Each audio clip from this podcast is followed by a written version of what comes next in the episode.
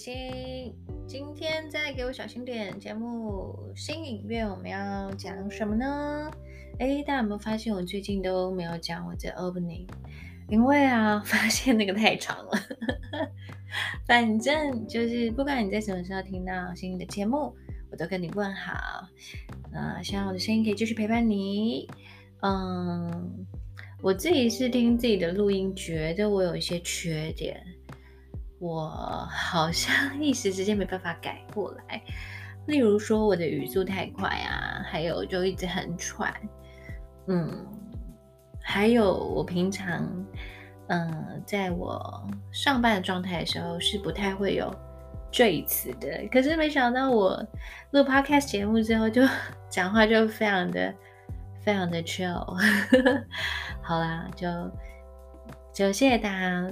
嗯，私讯我，给我一些回复，然后铁粉也有给我一些回复，呃，回馈，我都很开心，能够收到你们真的，嗯，听节目之后的想法，那就谢谢大家。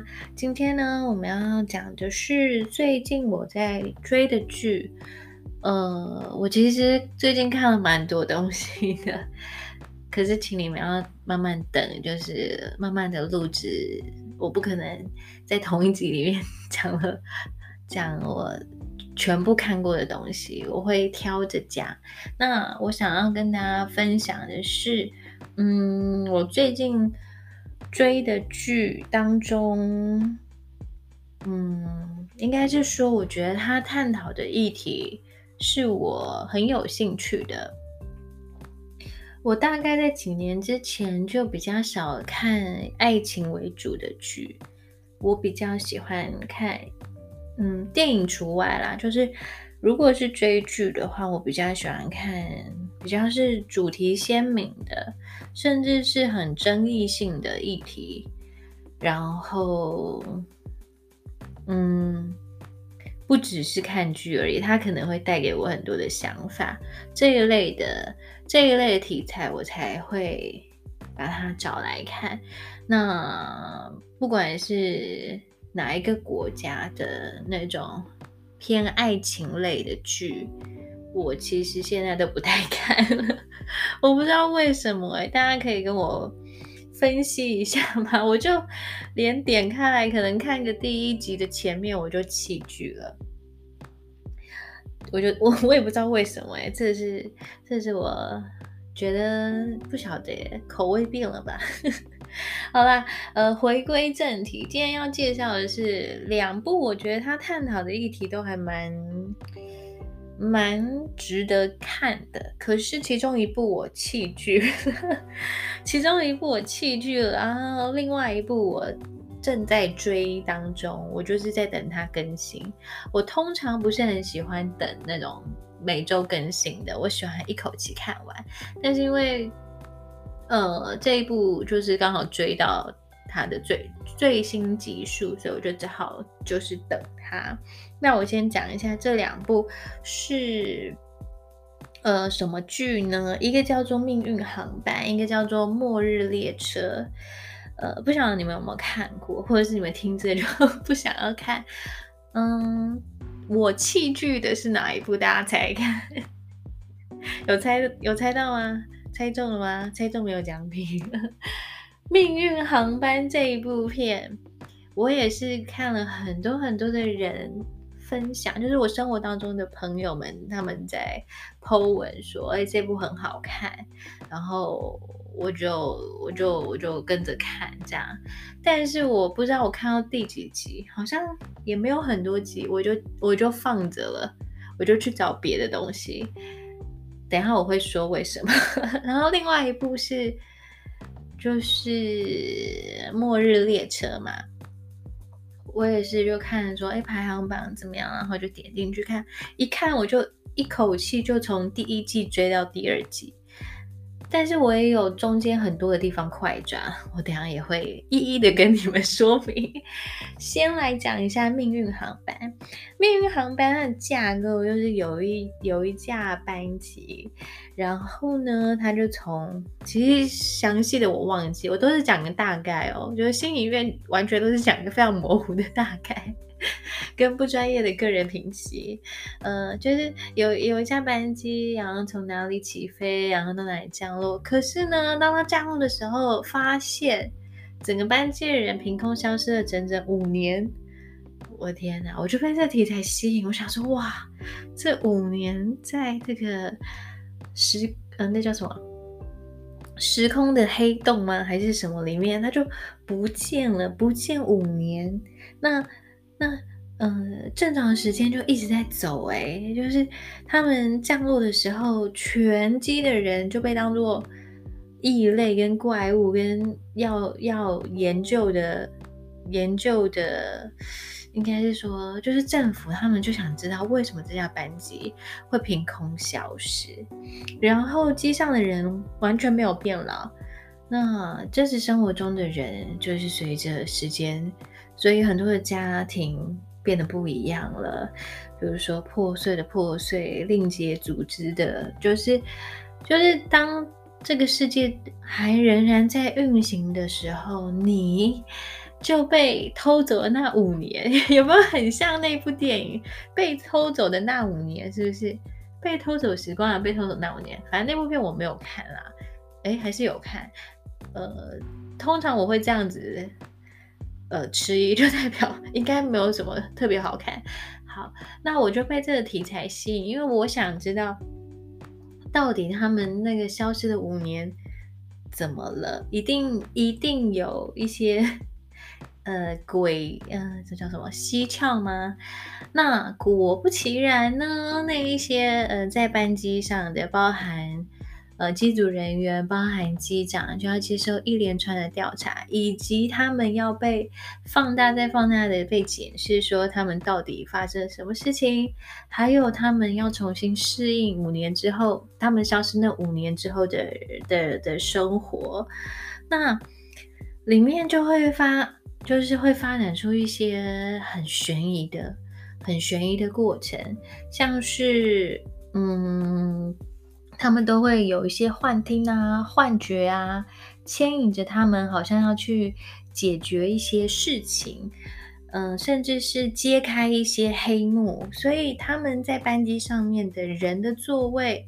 哦，那不是命运终结站哦，就是他们是有关联的，就是谁跟谁跟谁，呃，他们会串在一起，要解救谁，要揭发什么黑幕等等的，就是在那个班机上面的人，每一个人都或多或少有一些连接产生，然后呢，他们会受到很强大的感召，应该是召唤。呃，电影里面叫做 The Calling，然后就从头到尾就一直 The Calling，The Calling，然后召唤到我后边就说哦，这很突兀的，就是很很很匪夷所思的的的的的的情节出现了，然后接下来下一句就是啊，我被召唤了，难道你也被召唤了吗？你出现幻听了吗？你看到那个幻影吗？啊，那一定是什么？然后就是一直用同样的召唤的。手法，然后我大概不知道到第几集我就腻了，我所以我不太知道它后面会不会有更更更突破性的的的剧情，但是我真的到一一半，甚至大概第四还第五集我就受不了了。因为我觉得只要有很奇妙的事情发生的时候，他们都会说是用召唤，然后就很神奇的又破解了什么，然后又牵扯出什么东东。那这样的东西一直每一集一直循环，我就我就觉得 OK 够了。好，我我了解我了解编剧的的的意思，然后我就我就我就弃剧了。所以嗯，不知道哎，或许后面有其他好玩的事情吧，但。我现在还没有想要打开来看。那如果你正在追，或者是也想要追的话，反正你可以看一看啊。如果你能够受得了一直不断的召唤的话，你就可以去看。但是我觉得很有趣的是，因为他们有提到一些科学的实验，然后一些非人道的的测试，加上这到底是不是某些财团、生技公司的轨迹，然后政府就是国安局，美国国安局到底知不知情？那那我觉得这个这其实是有很大的阴谋存在后面的。嗯，但是聪明的脑袋，我的聪明的脑袋已经可以推测出是什么了。就通常我也不知道为什么，大家会不会有这种？这种坏习惯，就是你已经看剧看太多了，你就自己就变成编剧，然后就会弃剧，因为你已经知道大概是什么了。我我常常看电影或看剧会这样，所以有点无聊，怎么办？我太聪明了。好啦，如果你你想要试试看，哎，想要看看那个召唤是什么的话，就可以可以，我觉得是可以推啦，但是你能不能够耐得住？那个性子去把它看完。那如果你们看完了，可以再告诉我后面的结局好吗？因为我目前现在不是很想看。但是我先说这个题材是很吸引人的。就凭空消失五年的班机到底发生了什么事？这班机上的人是不是被做了什么实验？然后回到现实生活中，他们又遭受到什么样的的的适应？那其中里面有一个。一个感召力比较强的小男孩，他就是原本应该要死掉了，因为他得了癌症。但是因为那五年，所以他又可以活下来。然后他们的身上都有一些存在着很奇妙的物质，嗯，然后就会，因为我一开始都会联想到外星、外星、外星生物或者是外星侵入。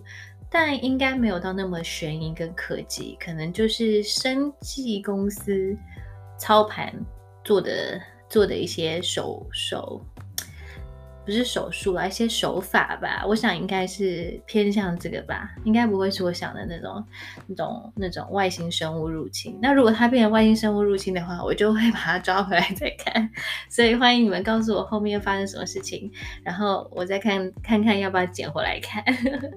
那下一步呢，要推荐给大家就是《末日列车》。《末日列车》呢，嗯，之前在韩国有个电影也是类似《末日列车》的。的的题材，然后还有其他部电影，甚至有漫画翻拍的，所以呢，它也不是一个创新的题材，就是在一呃一部吗？还是一一架？那应该要用什么量词？一台，反正就是一座，哎，不对，反正就是。列车有一千零一节列车，超级无敌，永远不会停止的引擎的的的的列车呢？它是人类最后的希望。那这个场景跟时空是设计在整个世界都变成零下五十度。的低温寒冷的极冻世界，那这一台列车上面的人类是仅存的人类，那为什么会会有一千零一节呢？嗯，上面除了有人之外，仅存的人类之外，还有非常多的车厢，要包含了物资啊，反正就是所有的呃。要生存下来的所有的物资都把它转化成在那个列车上面。那这台列车已经在全球，就是全世界绕了七年之久。呃，那这七年之久靠什么运作呢？那里面就探讨了，就是在这样子的残酷的这个的生存条件之下，呃，是用专制的。强调秩序的统治手法，还是后来的呃民主的手法，才能让整台列车、整台列车可以呃正常的运作呢？所以它里面其实谈到了很多，就是就算这世界再怎么样恶劣，然后只剩下这些人的生存，在这台列车上面还是存在着阶级，还是存在着势力。也还是存在着各式各样的歧视跟不公，所以好像无论到哪里，人在的地方就是会有这些产生。那这台列车，我一开始就以为那个列车长他就是创造这台列车的幕后主使的那个呃大老板好了，但后来推翻了我的想法。他反正就是，总之 我我这样真是是不是暴雷啊？反正他第一集就是在讲说，这一台列车一千零一个车厢里面呢，有一个车厢有一节车厢，也不是一节啦，就是最末段班的车厢，他们是。非常底层的一群人，这一群人是没有买到这个车票的人，他们在最后车子要开的时候是冲上来的，是突破封锁线，然后冲上这个台呃世界最后的列车的，所以他们就是后面的那个末节车厢的末节车厢的人，因为他们没有买到票嘛，他们没有票，所以他们就是想办法。想办法上车。那前面有买到票的人，并没有特别详细的说是怎么样的买票，但是可以分得出来是有头等车厢、上等车厢跟三等车厢、二等车厢、三等车厢跟跟其他的生产车厢，然后最末的末等车厢就是那一群，嗯，没有买票上来的那一群人，然后。在这个公司、这个这个集团下，呃，建立的的秩秩序，我现在用双引号，建立的这个秩序其实还蛮蛮阶级跟呃，感觉好像是非常实行所用的非常手段，也就是乱世当中要用重点嘛，就是要用严刑峻法的概念，所以。呃，为了让二等车厢跟头等车厢上流社会的人能够呃继续享用他们的美食佳肴、热水、好的生活，还有还有夜间车厢，就是呃夜晚的活动。呃，第三等车厢就是所谓的工人阶级，各行各业的劳动阶级都在都在这一等车厢里面。然后去提供所有整台车子、车厢、车子这台列车所有的生产力。嗯，你在里面可以看到，真的是阶级划分的很明显。然后每个人都为了自己的生存，不只是选边站哦。你不知道今天他是敌还是友，就其实那个那个氛围是一直在每一集当中。都存在着那种紧张感，他一下是他的盟友，一下是他的敌人。然后有趣的是，他从一个需要去调查的谋杀案件开始，然后呃，在末节车上刚好有一个以前曾经担任过警探的的人，他们其实一直在想要发动革命，反正就是。呃，每一个人各怀鬼胎的，在这一个这一台列车上面生存，那我我觉得非常的可有可看性。我也不能说是五分五颗星推荐五颗星啊，因为我也还是有快转。但是我觉得这个这个话题跟这个刺激度是够的。里面呢，就就是真的杀人啊，然后还有他们的酷刑哦，那个酷刑。我我第一次看到，也不是第一次，就应该是我第一次看到那个酷刑是用冰冻的方式把人截肢，真的很痛，而且很可怕。然后再来是，诶，就是他们也有在那个车的列车里面有设计，嗯，一个叫做冰柜的东西。那那个冰柜东西到底是不是等同于死刑的那种处置方法，还是他们其实要为了？呃，让人类的各个基因保存下来所用的另外一种冰存保存的方式，其实我还不太知道那些冰柜实际的意义是什么。但是他们都觉得那个冰柜，呃，就是让人家在里面死掉。但是他们有，就是我们还不知道它真实的用法。但每个人都有不一样的想法。就是在这台车厢里面的人都觉得那个冰柜存在的意义是一个阴谋跟诡计。那其中他们还有，呃，要因应未来的那个寒冷的世界，零下五十几度的世界，呃，做了一些生生化，类似生化人跟基因改造。那这个也是我觉得未来的世界会不会朝向这样发展？搞不好会。那列车在一直持续的绕着整个整个世界这样走，一直走，一直走。他们希望的目的不是一直在呃在在这样的环境里面，然后绕到这一台列车的引擎引擎销毁，然后大家就是灭绝，而是他们还是企图希望可以在在绕行的过程当中可以发现。适合居住的地方，首先就是他们必须要探测这个外面的环境跟大气有没有开始降温，有没有开始，而不是降温，有没有开始回暖，有没有开始升温？那可不可以找到新的土地，然后作为新的世界？所以他们在在这台列车上面生活了七年。我很难想象，然后你就可以看到那个场景是非常拥挤、非常窄、非常窒息，嗯的一个世界。所以，到底在全全球整颗地球都要冰封成极冻世界的时候，你是要在外面被被瞬间冷死，还是要在这个列车上面？存活下来，到底哪样才是生存？我其实，在观看的同时就一直打问号，就想说，我到底会会会想办法挤上这台列车吗？还是我就跟跟其他地球上的人一样，就是接受这个即将被被冰封的世界，然后就就这样死亡？因为我觉得在那个列车上面活着也好辛苦哦，非常非常的辛苦。嗯，那第二季就有一个转折，就是大魔王就出现了，然后第三季又是另外一个新的篇章。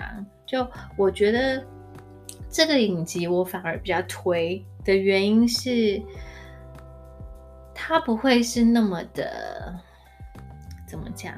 它不会是，它不会是，嗯。我觉得它不会是一个凭空捏造的东西，我觉得它可能，它可能会成真。虽然我不希望这世界发生这样的 这样的状况，可是我觉得这个可能会发生的可信度蛮高的。然后再来刺激度也够，还有有些时候其实是很沉重的，有些有些。有些片段或者是有些议题，它其实在里面谈到是很沉重的。但我还是有快转的地方，就觉得他们废话太多了，就是快转、快转、快转。我还是有这个坏习惯，就是还是会快转。那，嗯，我我觉得如果这两部片的话，我会比较推荐《末日列车》。那如果你有看过，甚至也觉得相关这个主题，像刚刚谈到的其他电影或者漫画，你也是可以推荐给新，然后然后分享你的想法。就就这两部啦，因为这两部前一阵子蛮多人在讨论的，所以就分享给大家。那 末日列车到现在还在更新集数，所以我会继续追下去。虽然我不是很喜欢等了，但是我现在还是没有想要打开那个命运航班，因为要被召唤几次啊。但是，嗯，我有想过，就如果我真的在那台那架飞机上面，然后凭空消失五年，这还蛮诡异的耶。然后你好像会获得了一些很奇妙的能力，预知能力。然后大家的那个，大家的意识，就是好像可以连接。我觉得这也蛮，不能说蛮酷的。我觉得这应该是蛮恐怖的。就如果这件事情，我觉得我看剧的时候会把它想象成，如果是我的话，我会怎么做？然后发生在现在我们所处的所处的世界里面的话，我会怎么办？就我会容易脑补很多。好啦，那就跟大家分享这两部，一部被我弃剧了，然后一部正在追的影集，也都是我觉得有还算是吸引人的题材啦。那还有很多很多的作品，之后就会在录制节目告诉大家，跟大家分享。那期待大家给我一些回馈喽，或者是嗯，告诉我应不应该看下去。还有，或者是你想要听新呃分享哪一些作品，都可以跟我说哦。那你知道在哪里可以找得到我？欢迎写信或者是私讯到新的信箱。然后我们嗯，希望可以一样维持每周三，对不对？每周三发布时间，请大家准时锁定收听，并且关注。那祝大家有个美好的一天，我们下期节目见喽，拜拜。